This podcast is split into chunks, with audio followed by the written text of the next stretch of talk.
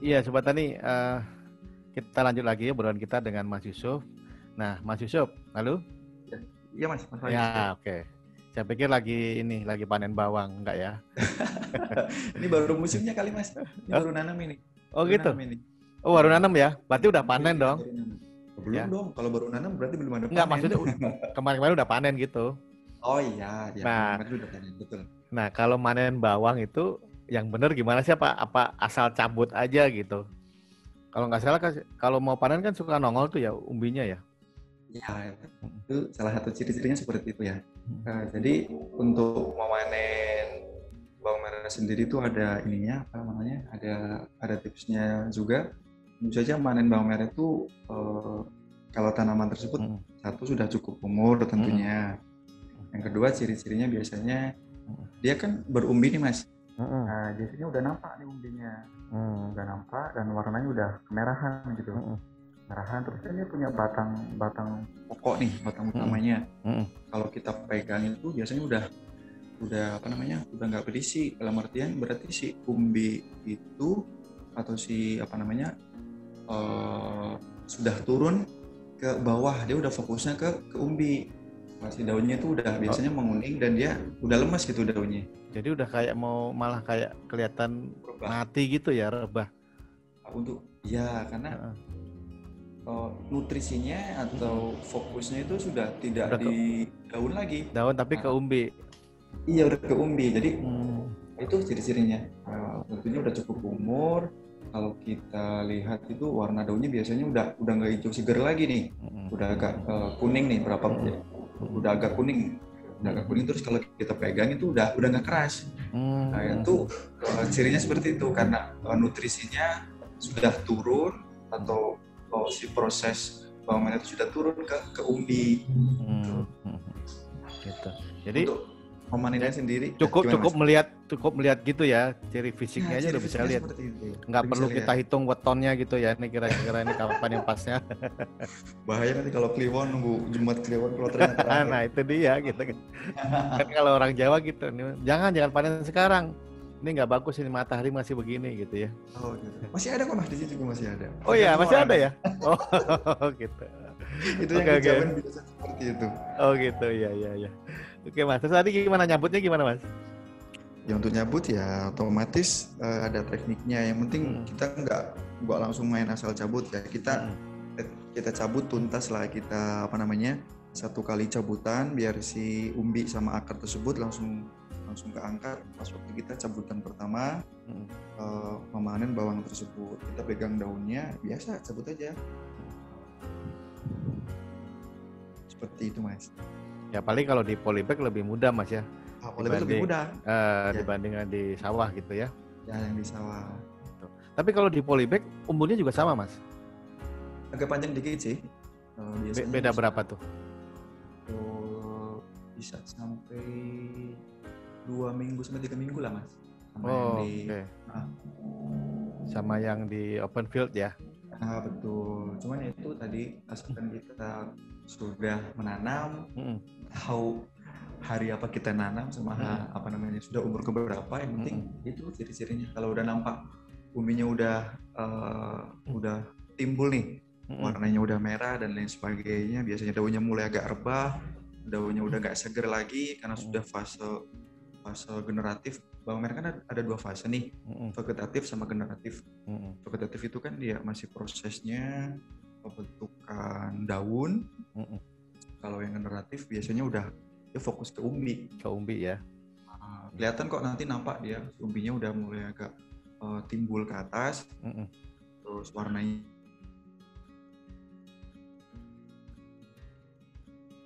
masak dan lain sebagainya itu bisa bisa langsung dicabut kok mas? Langsung yeah. dipanen. Kalau buat sayur sih bisa langsung dicabut di, langsung dipakai gitu mas ya dipakai buat sayur ya betul kalau mau misalnya mau dipakai buat bibit gitu treatmentnya beda kan? Beda. Tentu saja beda mas. Karena tetap saja kalau misalkan untuk bibit setelah dia dipanen dari lahan atau dari polybag hmm. tentu saja dia harus oh, dijemur dulu ya. Kita harus kasih sinar matahari biar cukup. Hmm. tujuannya adalah biar dia kering maksimal, tidak ada apa namanya uh, tanah yang menempel di akar atau mm -hmm. di kulit uh, ubi tersebut. Mm -hmm. nah, terus tujuannya biar uh, si apa tidak gampang busuk. Nah, salah satunya itulah kalau dia mm. habis uh, panen terus sinar mataharinya kurang nih, mm -hmm.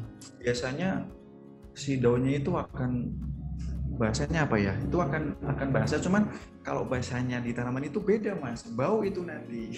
Oh, oh iya, iya. itu bau ya. Kecuali nah, saya lagi bayangin ini baunya kayak apa. Gak enak. Gak enak. Bau baunya itu gak enak.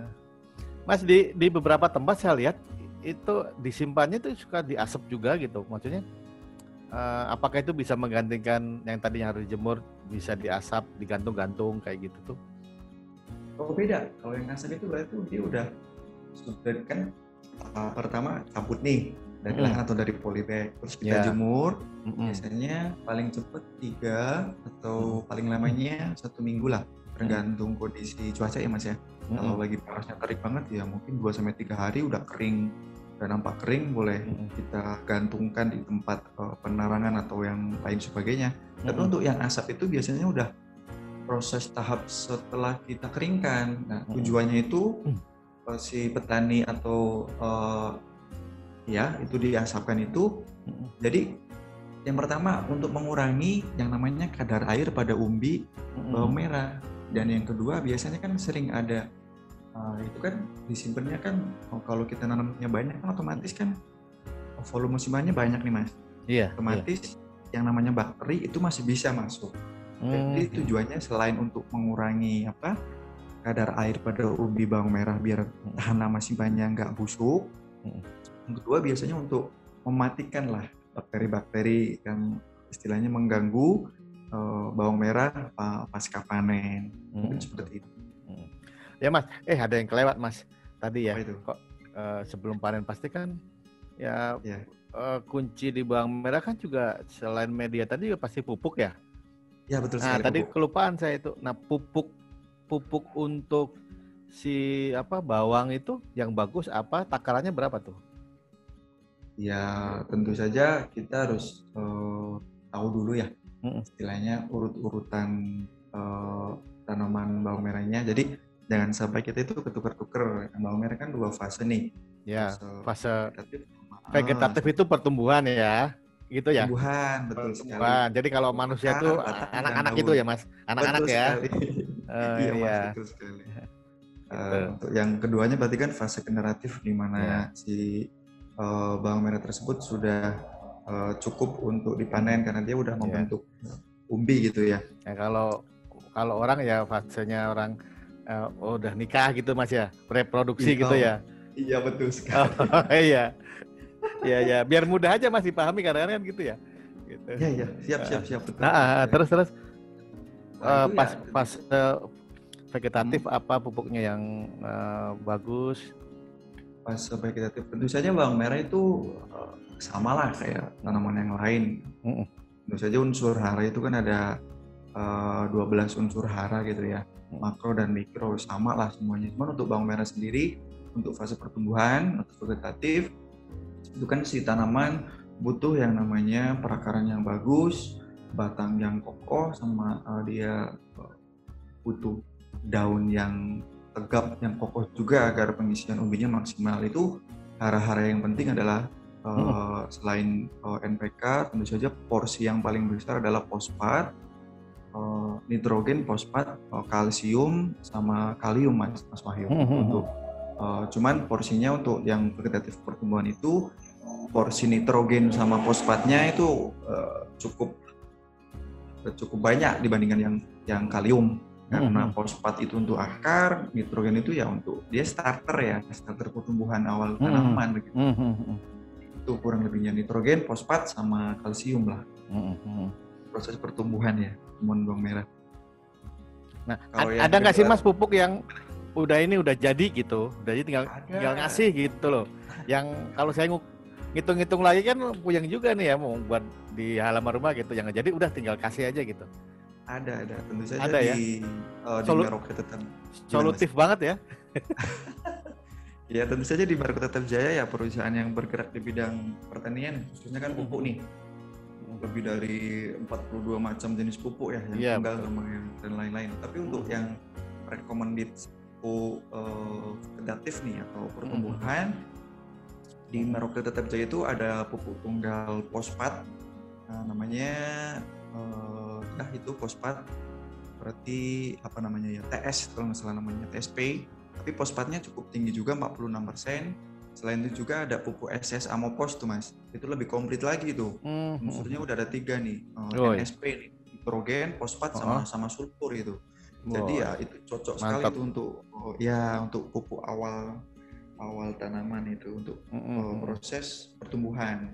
Mm-hmm. Ada tuh di Merauke. Boleh nanti lah searching-searching di fanpage-nya Merauke. ya, ya harus mas. Kan ini uh, rekomendasi dari agronomi sudah pasti terbukti terbukti lah gitu kan ya enggak ya.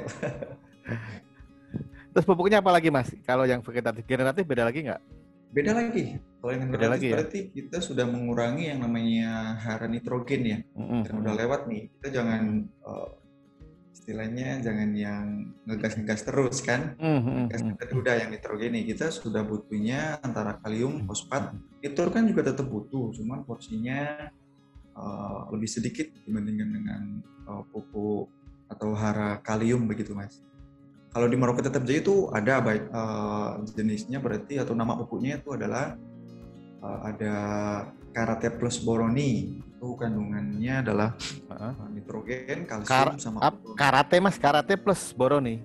Ya, karate plus boroni. Oh, namanya uh. unik juga karate plus boroni. Ya.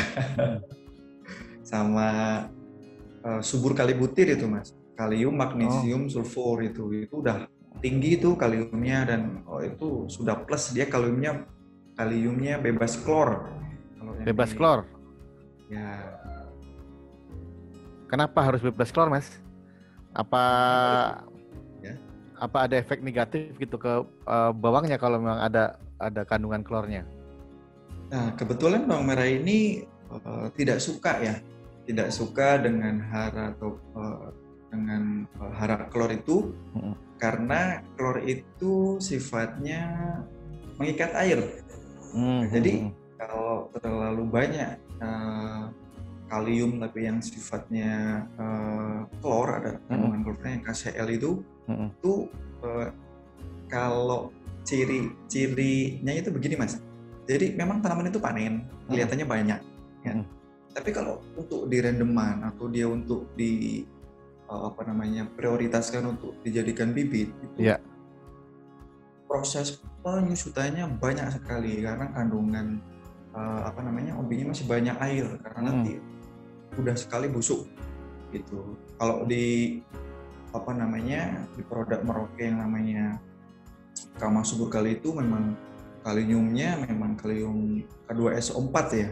Kalium yeah. sulfat. Jadi sangat direkomendasikan sekali untuk tanaman bawang merah baik untuk dia dijadikan sebagai sayur hmm. ya konsumsi maupun hmm. dijadikan sebagai bibit gitu mas.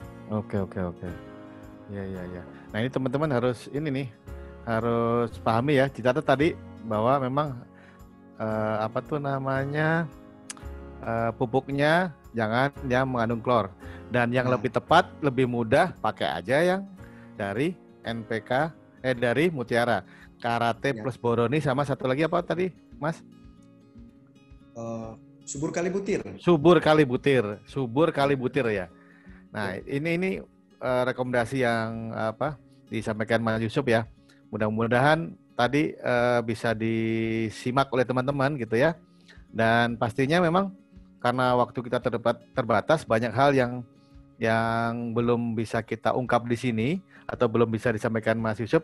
Nah, tapi sobat tani jangan khawatir bahwa banyak hal yang bisa di apa namanya dibaca jadi referensi uh, dari Merauke Tetap Jaya.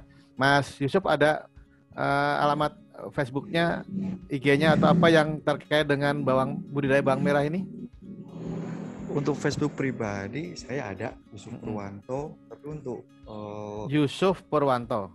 Ya, Yusuf Purwanto. Uh, ada fotonya kan, Mas? Uh, insya Allah ada. Oh ada, ya ya ya ya, oke. Okay. insya Allah ada. Tapi untuk yang lebih apa namanya lebih komplit lagi barangkali uh, sobat tani yang di mana berada itu uh, untuk di Merauke Jaya kan biasanya Merauke. Oke. Okay. dan lain sebagainya. Video juga banyak ya Mas di situ. Banyak banyak.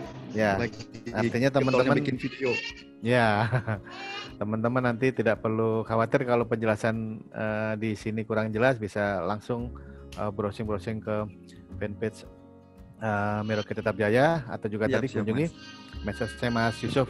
Mas Yusuf, mohon maaf ini ya. uh, waktunya siap, terbatas siap, gitu ya, tapi terima kasih sudah sudah berbagi ilmu, berbagi pengalaman. Mudah-mudahan bisa menginspirasi teman-teman atau sobat tani di seluruh Indonesia. Siap, siap, Mas. Uh, juga ketemu lain waktu, Mas ya. Iya, iya, ya, siap. uh, Oke. Okay. Mudah-mudahan kekurangan juga ya minta inilah. Oke, okay, sama-sama Mas. Kita saling mengisi.